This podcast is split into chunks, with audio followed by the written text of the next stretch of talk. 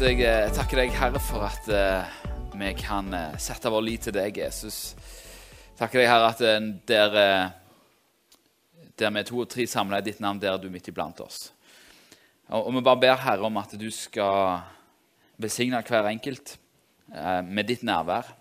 Og bare ber, Herre, om at de ordene som jeg skal si i dag, at de skal treffe oss her i hjertet.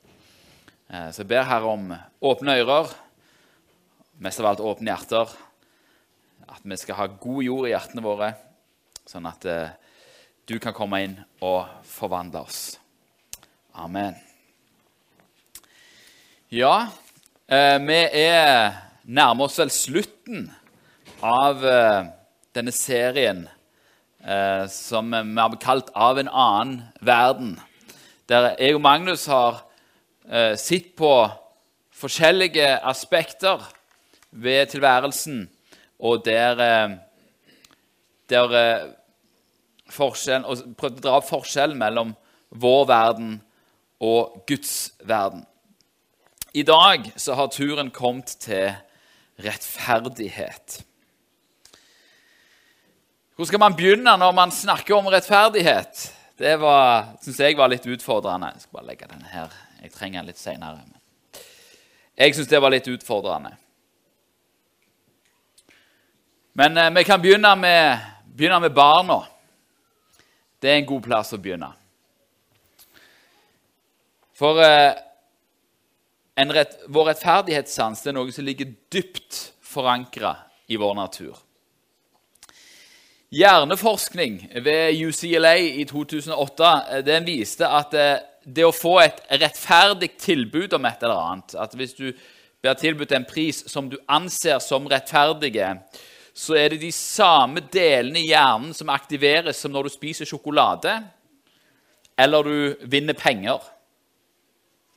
Så altså Noe som er den, den følelsen man får av, av, god mat, rett og slett, av det å spise eh, Det er den samme triggerpunktet i hjernen som aktiveres når du får et rettferdig tilbud eller blir behandla rettferdig. Som viser at rettferdighet er, et, det er ikke bare noe som er kjekt å ha. Det er et grunnleggende behov for mennesket. Et grunnleggende behov. Vi er med andre ord skapt for rettferdighet. Og grunnen til at vi er skapt for rettferdighet, er på grunn av Han som skapte oss.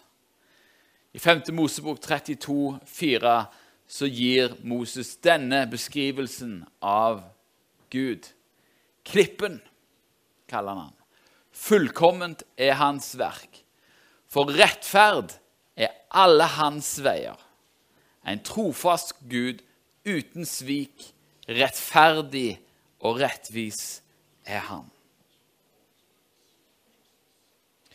Gud er en rettferdig Gud. Og fordi vi er skapt i hans bilde, så er vi skapt for rettferdighet. Men i motsetning til sånne positive opplevelser som kjærlighet og glede, så, så er ikke på en måte et rettferdighet et gode som, vi opplever sånn veldig mye i hverdagen. Jeg, jeg har aldri hørt noen stå opp om morgenen og si du verden for en rettferdig dag det var i dag. Eh, eller kjent Og liksom Å! Jeg har blitt så rettferdig behandla. Altså det, det, det, er ikke sånn man snakker om rettferdighet. Rettferdighet er på en måte en naturlig del av livet helt til han forsvinner.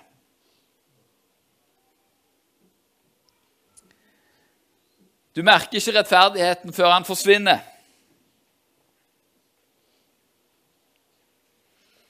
Og hva er vår respons når vi blir vitne til eller blir utsatt for uh, urettferdighet, og at den forsvinner? Jo, vi får ofte et vell av sinne, indignasjon, som kommer opp. Man er ikke veldig gammel før man lærer seg ordet 'urettferdig'.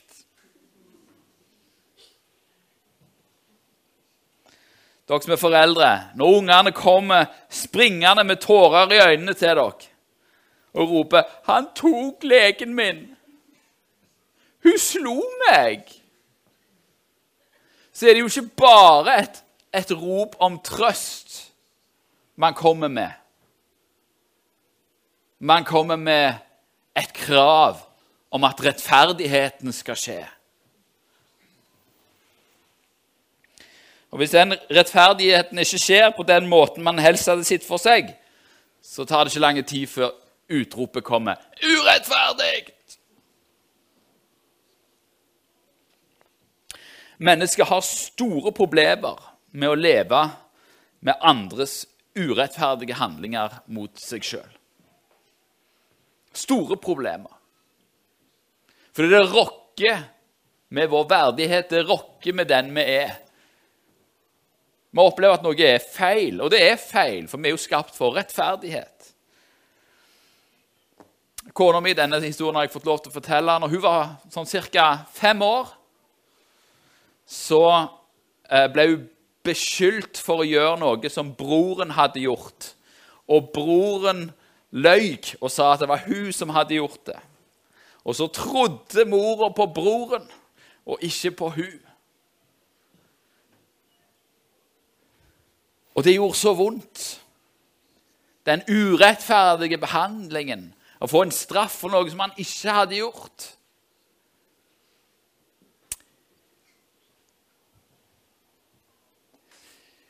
Hvis mi fokuserer på den hendelsen, så kan hun kjenne det ennå. Og dette skjedde for 40 år siden. Snart. Det sier hvordan dypt opplevelsen av urettferdighet sitter. Så én ting er at mennesker har problemer med å forholde seg til den urettferdighet som blir begått mot en sjøl.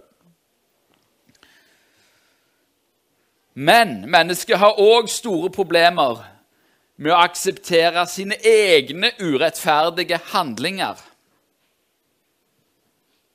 Har du lagt merke til det?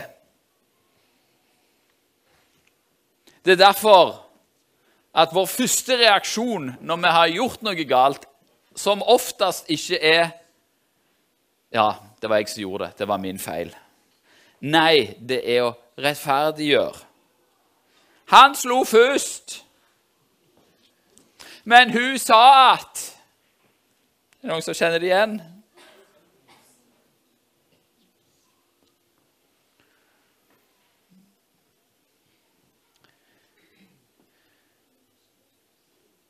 Alle mennesker har et behov for å rettferdiggjøre sine urettferdige handlinger. Og Det sier oss jo noe om hvor altså hvor viktig rettferdighet er for oss da. Når vi hører og leser om grufulle hendelser i Midtøsten og Ukraina og andre steder, så er det jo ikke sånn at eh, de som gjør det, forteller seg sjøl at de har gjort noe galt. Nei, hva er det de gjør? Jo, de rettferdiggjør sine hendelser. Dette er rett å gjøre fordi ett og ett og ett. Og sånn opplever man da at uh, dette store paradokset At vi mennesker som har rettferdighet som et grunnleggende behov, vi befinner oss i en verden som er så full av urettferdighet. Og den er jo urettferdig pga. synd. Og alle menneskelige forsøk på enda urettferdighet leder jo bare til mer urettferdighet. Sånne ting som kommunismen, f.eks. En skrekkelig god idé. Alle skal få likt. Det er urettferdig at folk har så forskjellig. Så vi skal være litt sånn Robin Hood ta fra de rike og gi til de fattige. Og hva ender systemet opp med? Jo, enda mer urettferdighet.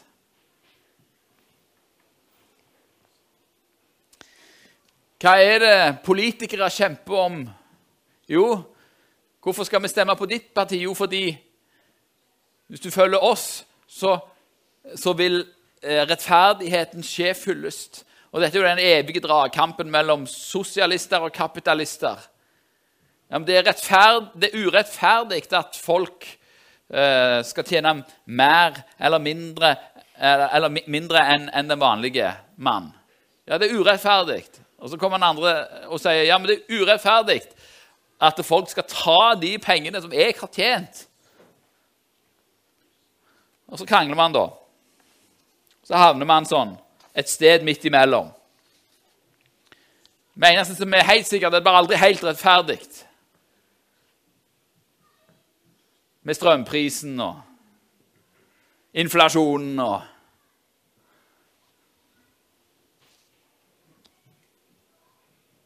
Her på berget så har vi jo klart det ganske bra, men hva med utenfor våre landegrenser? Jeg har en smarttelefon. I den er det et batteri. I det batteriet er det kobolt. Og kobolt 70% av verdens koboltproduksjon kommer fra Kongo. Og 20% av den koboltproduksjonen i Kongo den kommer eh, av mennesker som blir utnytta på det groveste for å framstille denne kobolten. Det er urettferdig.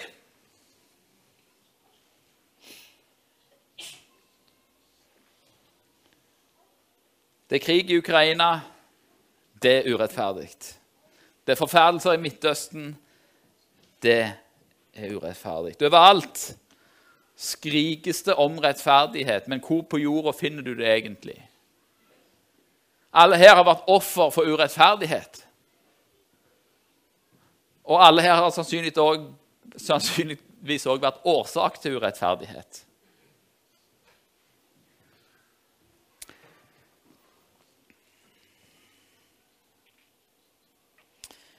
Denne lengselen som vi har etter rettferdighet, det er en av de sterkeste indikatorene på at det finnes en Gud.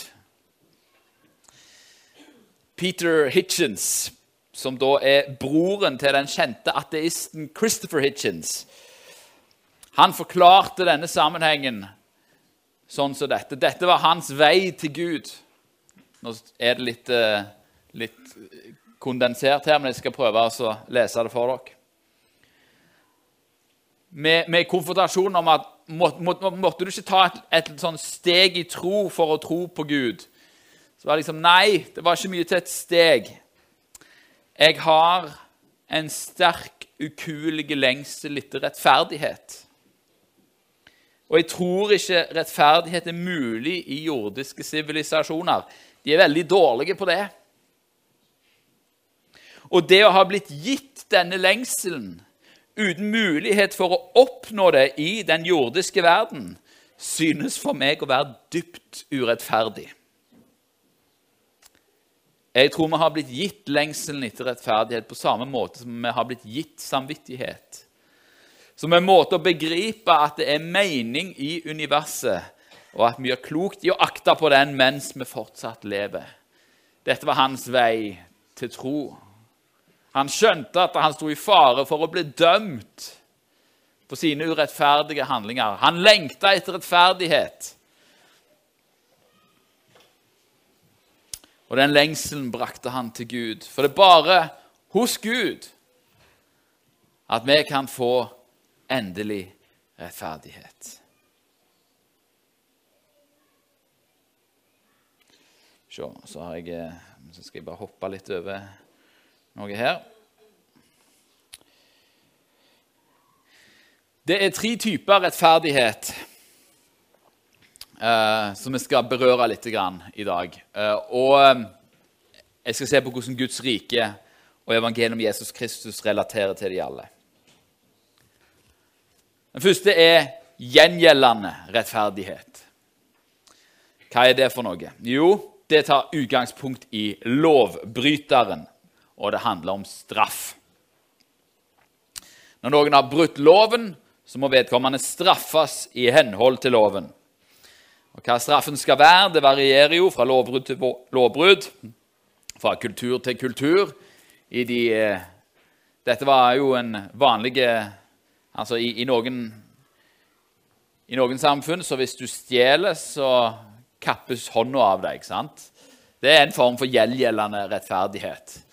Eh, litt brutal for vår smak. I Norge så opererer vi med tre former for straff. Det er samfunnstjeneste, bot eller fengsel. Og fengsel er jo da frihetsberøvelse. Vi tar din frihet.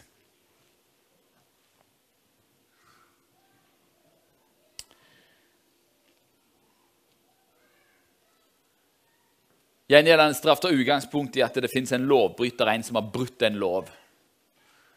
Og at den, det bruddet på den loven det fortjener en straff mot den personen. Uh, og i Norge så sier man at det, det å ta fra noen friheten det er den strengeste straffen vi gir. Gjerne over lang tid, da, hvis det er veldig alvorlig. I Bibelen så ser man enda mer eh, eh, hakket Konsekvensen er hakket større enn frihetsberøvelse. Vi møter gjengjeldende rettferdighet allerede i første Mosebok, helt i begynnelsen av Bibelen. Første Mosebok 2,17. Og sier, eh, sier Gud til mennesket Tre til kunnskap om godt og ondt må du ikke ete av, for den dagen du eter det, skal du visselig dø. Det er dommen. Det er konsekvensen av lovbruddet du skal dø.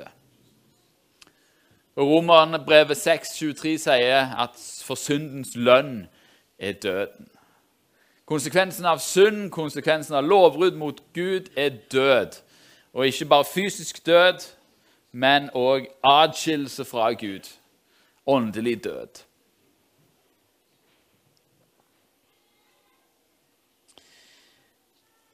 Og Gjennom hele Bibelen så ser man da og i loven. Eh, hvordan eh, Så ser man hvordan loven blir eh, Hvordan det er mange lover som da enten skal straffes på den ene måten eller den andre måten. Da. Men det skal rammes den som Den som, den som blir Den som blir straffa, den som har gjort lovbruddet. Nå skal jeg bare la den henge litt her, og så skal vi se litt på løsningen etter hvert så har man det som kalles for gjenopprettende rettferdighet.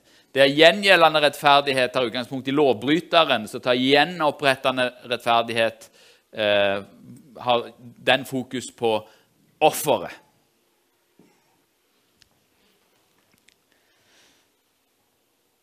Den tar utgangspunkt i offeret, som da får en økonomisk kompensasjon.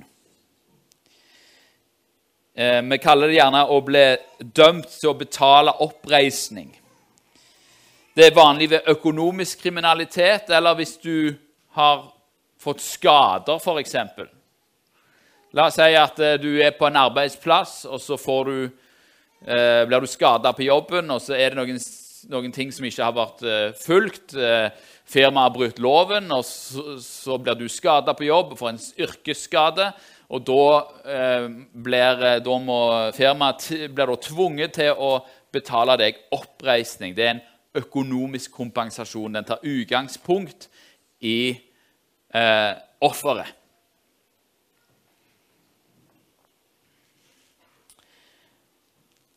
Det er òg noe som man lærer veldig tidlig. Jeg krevde økonomisk kompensasjon når jeg var seks år. Det var rundt disse tider. Var, vi hadde julekalendere. Jeg hadde én, og broren min hadde én. Eh, og eh, broren min han var to år, så han var ikke så gammel. Men han var gammel nok til å vite hva som var sin julekalender. Så vi skulle jo ta én hver, hver, gang. Var sånn sjokoladekalender. Vi skulle ta én sjokolade hver, hver, dag. Og han eh, bestemte seg da for å ta noen ekstra. For han syntes det var godt med sjokolade. Men han ville jo ikke ta av sin kalender. Så han tok noen ekstra fra min. Og så la han lokket sånn fint tilbake, sånn at det ikke skulle synes. Ganske slu, slu gjort av en toåring. Ja, kanskje han var tre og jeg var syv, men ja.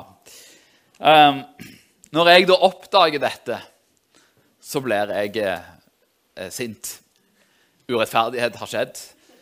Jeg krever rettferdighet. Uh, og uh, tingen er jo det at Hvis han hadde fått en straff, at ja, du må gå på rom, eller et eller annet, sånne ting, så hadde jo ikke det hjulpet meg. Sjokoladene var fremdeles vekk. Jeg krevde økonomisk kompensasjon. Jeg ville ha sjokoladene mine igjen.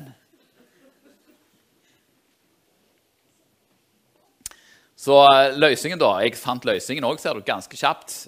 Og jeg syns faktisk det var en ganske rettferdig løsning. Eh, for han hadde jo tatt mine. Så da sa jeg Det vi gjør nå, sa jeg, det er at vi bytter kalender. Nå får jeg din kalender, og så får du min. Så får du konsekvensen av at du har spist alle før tida, og så får jeg eh, mine sjokolader tilbake. Så det, det ble resultatet, da. Mamma var enig i den. Eh, at hun syntes det var en god idé. Så fikk jeg økonomisk kompensasjon. Og Så var alt i orden. Da var jeg fornøyd.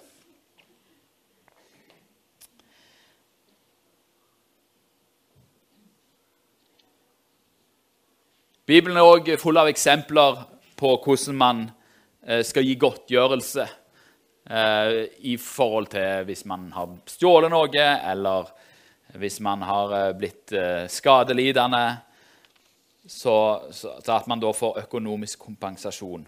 Det tar utgangspunkt i offeret. Men hvem er offeret for synd? Ja, Det er jo den du synder mot, men til syvende og sist Hvem er det som er offeret for synd? Jo, det er Gud. Og uh, Salme 49, 8, 11 sier en mann kan ikke utløse en bror. Han kan ikke gi Gud løsepenger for ham. Han kan ikke betale en pris som er høy nok, med andre ord. For utløsning av deres sjel er for dyr, og han må avstå fra det til evig tid. Så han skulle forbli til evig tid og ikke se graven. Nei, han ser han. De vise dør, dåren og den uforstandige omkollen med alle sammen og etterlater sitt gods til andre. Menneskets urettferdighet er så dyr, går så djupt, at eh, ingen annen mann kan betale for ham i forhold til det som har med Gud å gjøre. Eller som Jesus sier hva gagner et menneske om han vinner hele verden, men tar skade på sin sjel? Eller hva kan et menneske gi til vederlag for sin sjel?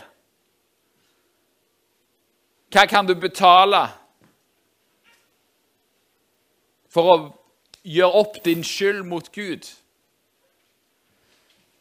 Min bror var ganske enkelt å gjøre opp sin skyld mot meg i forhold til de sjokoladene. Det var en ganske liten ting men mot Gud.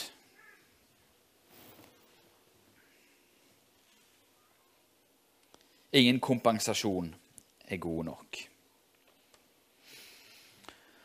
Så har vi den siste som vi skal snakke litt om, som da er rettferdig fordeling.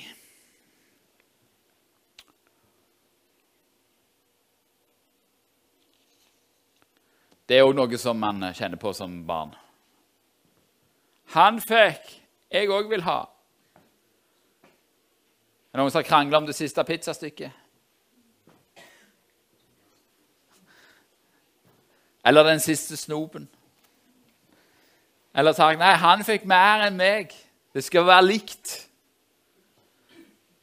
Det, det, det ligger helt i vår natur.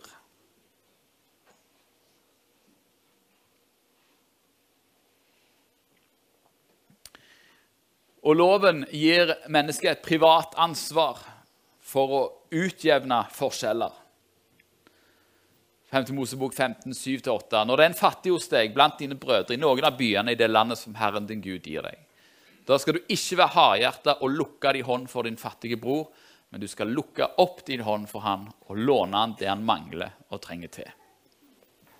Det er et Det er eh, en av lovene i Moseloven. Og den er, Den gjelder privatpersoner. Når du ser en som er fattig, når du opplever at noen trenger din hjelp, så skal du hjelpe så sant du kan.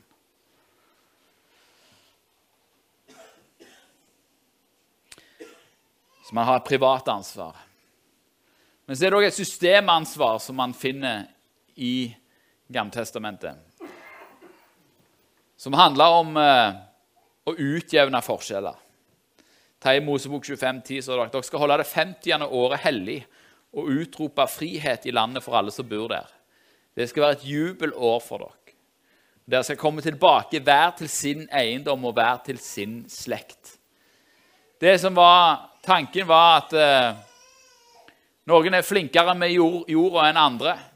Noen er bedre bønder enn andre. Noen eh, vil eh, utvikle ting mer enn andre, som gjør at eh, forskjellene i landet vil øke. Setter du opp et hva som helst samfunn, et hva som helst hierarki, så vil noen lykkes i det samfunnet, og så vil noen mislykkes i det samfunnet. Og Hvordan kan man rette på det? Jo, man kan ha private initiativ. Det er veldig bra. Men det var òg i loven lagt inn en, en, en system, system Et systemansvar. Og dette ansvaret gikk på at uh, i hvert 50 år så skulle all den jorda som hadde blitt solgt, og sånne ting, den skulle tilbakeføres til de opprinnelige eierne. For å på en måte sette, uh, sette spillet på nytt igjen. Sånn at ikke den fattige skulle forbli og være fattige for alltid. Og den rike forbli og være rike for alltid. Ting skulle resettes. Ifølge noen kirkehistorikere så ble aldri dette her etterlevd i det gamle Israel. Og at det er en av grunnene til at de gikk i landflyktighet. Man eh, tok ikke systemansvaret. Jesaja sier at Nei, Jesaja, Jesus han sier i møte med fariserene at ingen kan tjene to herrer. I Lukas 16, 13-14. Enten vil han hate den ene og elske den andre, eller han vil holde seg til den ene og forakte den andre. Da kan han ikke tjene både Gud og mamma. Og Fariserene hørte alt dette, og pengeskjære som de var, spotta de han. Vår rikdom skal vi bruke til å hjelpe de som ikke har.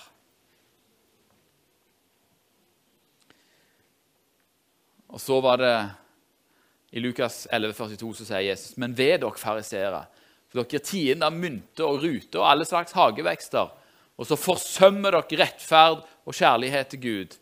Dette burde gjøres, og det andre ikke lates ugjort. Hva slags rettferd er det her snakk om?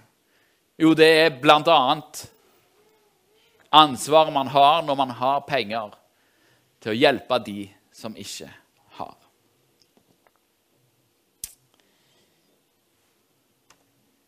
I møte med gjengjeldende, gjenopprettende og eh, rettferdig fordeling, så kommer vi alle litt kort opp. Vi faller alle kort i vår rettferdighet. Så Romerne brevet 3.10 sier det er ikke en, det er ikke en rettferdige. Ikke en eneste. Så hvordan kan vi få tilfredsstilt behovet for rettferdighet? Men hvordan kan vi òg få tilfredsstilt behovet for å være rettferdige? Jeg har ikke lyst til å være urettferdig. Ingen mennesker har lyst til å være urettferdige. Det er derfor vi rettferdiggjør våre handlinger. For vi klarer ikke tanken på å være urettferdige.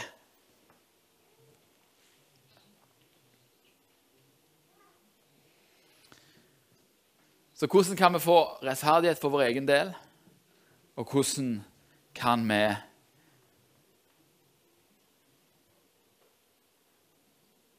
Hvordan kan vi møte verdens urettferdighet? Når det gjelder den gjengjeldende rettferdigheten, der vi leste at syndens lønn er døden Ja, jeg har synda, jeg fortjener døden. Men i Isaiah 53, 5, så står det at han ble såra for våre overtredelser, knust for våre misgjerninger. Straffen lå på han. Han tok straffen for at vi skulle ha fred, og med hans sår har vi fått legedom.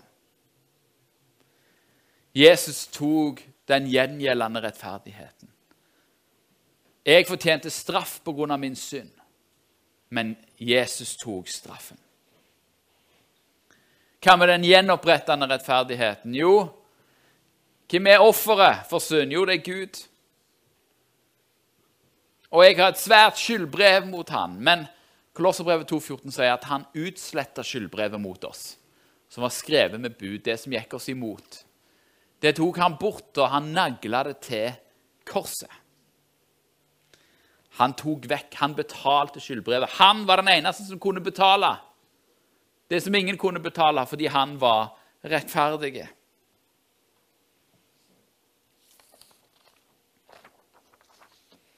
Hva med den rettferdige fordelingen, da? Romerbrevet 5, 18. Altså like som én manns overtredelse ble til fordømmelse for alle mennesker, slik ble også én manns rettferdige gjerning til livsens rettferdiggjørelse for alle mennesker. Det er rettferdig fordeling, det. At det å bli, stå rettferdig og bli frikjent, få betalt prisen Det er ikke noe som er for de spesielt innvidde. Det er ikke noe som er for de spesielt gode. Det er ikke noe som er for de som fortjener det. Det er for alle mennesker. Alle mennesker kan ta imot den rettferdigheten. Og Det er da jeg skal lese litt fra Romerbrevet 3, 19-26. Fordi Bibelen sier det ofte bedre enn det jeg gjør. Som sier hva Jesus gjorde på korset i forhold til rettferdighet. Vi vet at alt det loven sier, dette er Romerbrevet 3, 19-26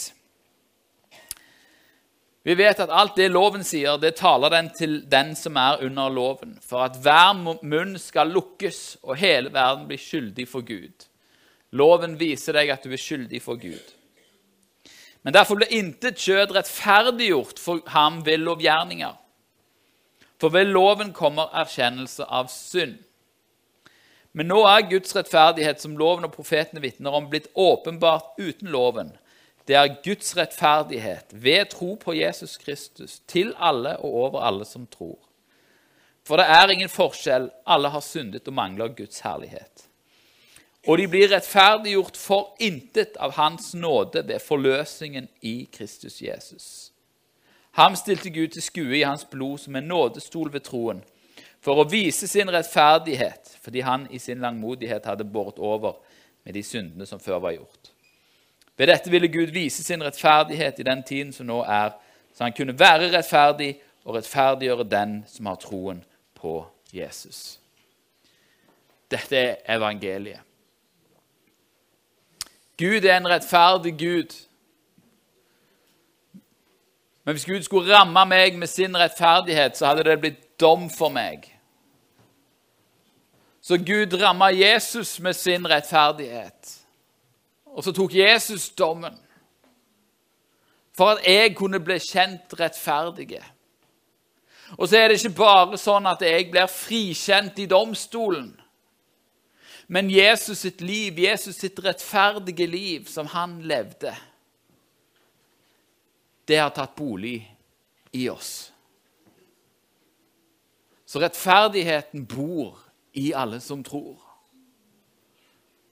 Og det er både den rettferdigheten som, som, som du krever for din egen del, de urettferdige handlingene som, som har blitt gjort mot deg, det er betalt på korset for at du skal få fred. Og det kan du bære med deg. Og de urettferdige gjerningene du har gjort, de er òg tatt på korset. Begge deler sånn at du kan leve med rettferdighet. Eh, og leve i rettferdighet. Og dermed har vi som tror blitt rettferdighetens agenter. Vi bærer rettferdigheten, ikke vår egen rettferdighet, men den rettferdigheten vi har fått i troen på Jesus. Jesus sin rettferdighet.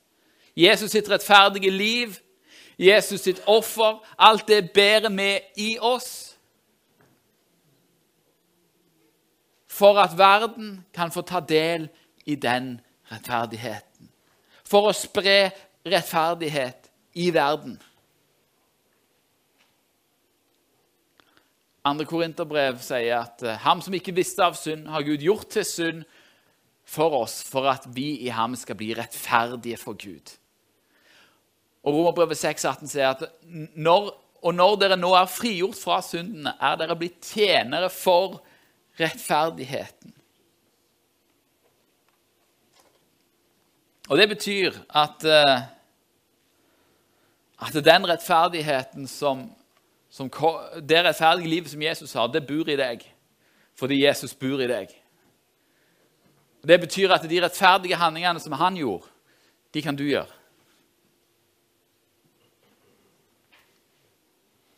Og det lærer oss noen ting. Det lærer oss om å ta vare på de svake. Fordi Ja. Så når vi ser noen som er utsatt, så skal det drive oss til å hjelpe. Det er noe i oss som driver deg til å hjelpe, og det er Jesus Kristus sjøl. Til ikke bare å tenke på deg, ikke bare tenke på din familie, men, man, men det strekker seg utover. Og når det er noe i deg som, eh, som kjenner at ting er urettferdig, så har du òg et eksempel. Jeg leste dette her tidligere i dag, og det var åh, det må vinne enda mer skikkelse i meg, kjenner jeg.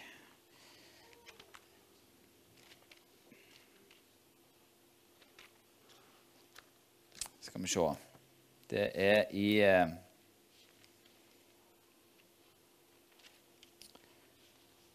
Det er i eh, Er det første Peters brev?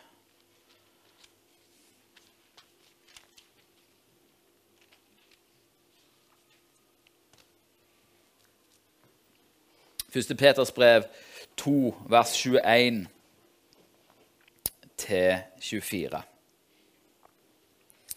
For til dette ble dere kalt, fordi også Kristus led for dere og etterlot dere et eksempel for at dere skal følge i hans fotspor. Han som ikke gjorde synd, og det ble ikke funnet svik i hans munn. Han som ikke skjelte igjen når han ble utskjelt, og ikke truet når han led, men overlot det til ham som dømmer rettferdig. Han som bar våre synder på sitt legeme opp på treet, for at vi skal dø bort fra syndene og leve for rettferdigheten. Ved hans sår er dere blitt lekt.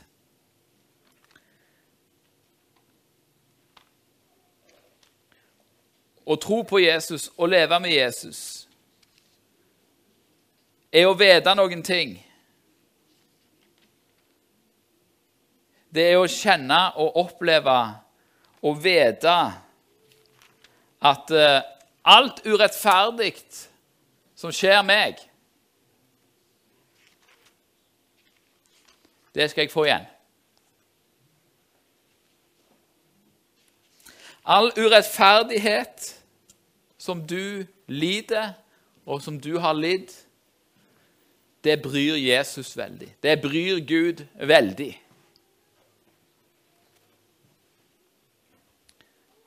Og han vil gjengjelde det i sin tid.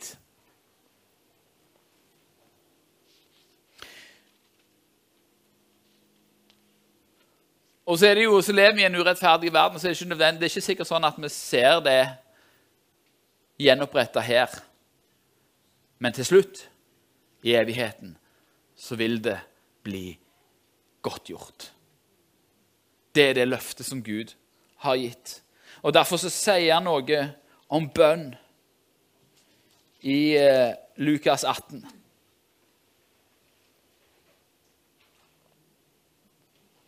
Det var en dommer i en by som ikke fryktet Gud og ikke tok hensyn til noe menneske.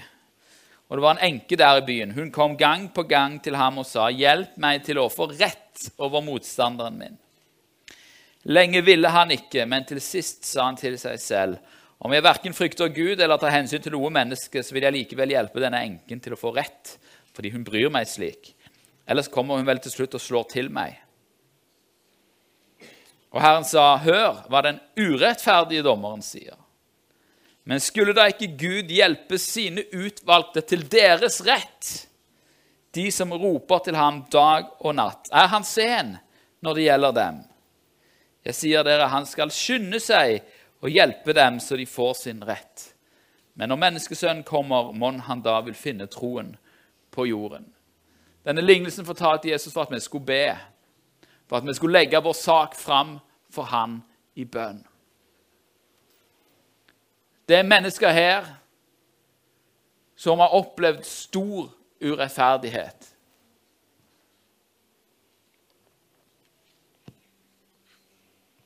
Og Gud bryr seg om deg. Og han har betalt prisen for det. Og Det betyr at uh, siden han har betalt prisen og alt er gjort ferdig, så kan du få lov til å legge det hos Jesus. Og så har han gjort det, og så vil han gjøre noe med det. Og så Er det sånn at er det muligheter for rettferdighet her på jorda? Ja, så søk det. Absolutt. Søk rettferdigheten her på jorda. Det er bra. Det er bra når rettferdighet skjer òg her på jorda. Men om det ikke skulle skje, så finnes det en evig rettferdighet. Og rettferdig blir det til slutt. Det er Guds løfte. Det er det som gjør at Peter Hitchens tror. For det må finnes en evig rettferdighet. Handlinger må få konsekvenser.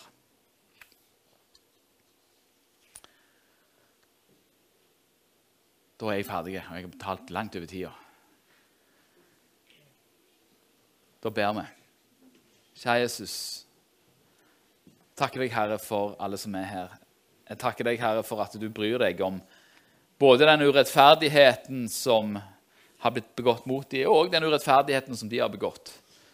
Takk, Herre, at du er der for å hjelpe og trøste og gjenopprette all urettferdighet som har blitt begått mot oss. Og Vi kan få lov til å kjenne din fred og din trøst og din rettferdighet i dette livet og i det neste. Og så takker jeg, Herre, at vi kan komme til deg med våre urettferdige gjerninger.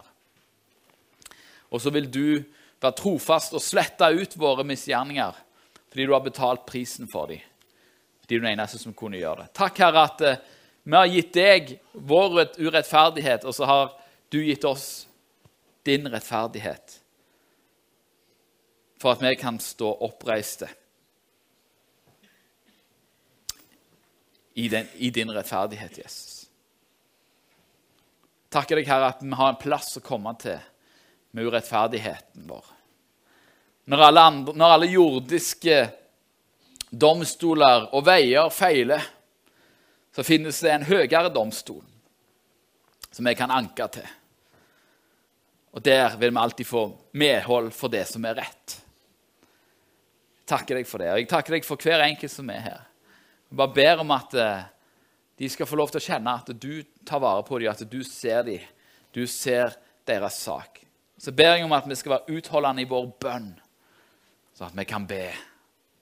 Be om, eh, om at rettferdigheten skal skje, både i denne verden og i den evige verden. Og så ber jeg også om at vi skal være agenter for rettferdighet, for din rettferdighet. At vi skal bringe rettferdighet der vi går. At vi skal behandle folk sånn som du behandler dem.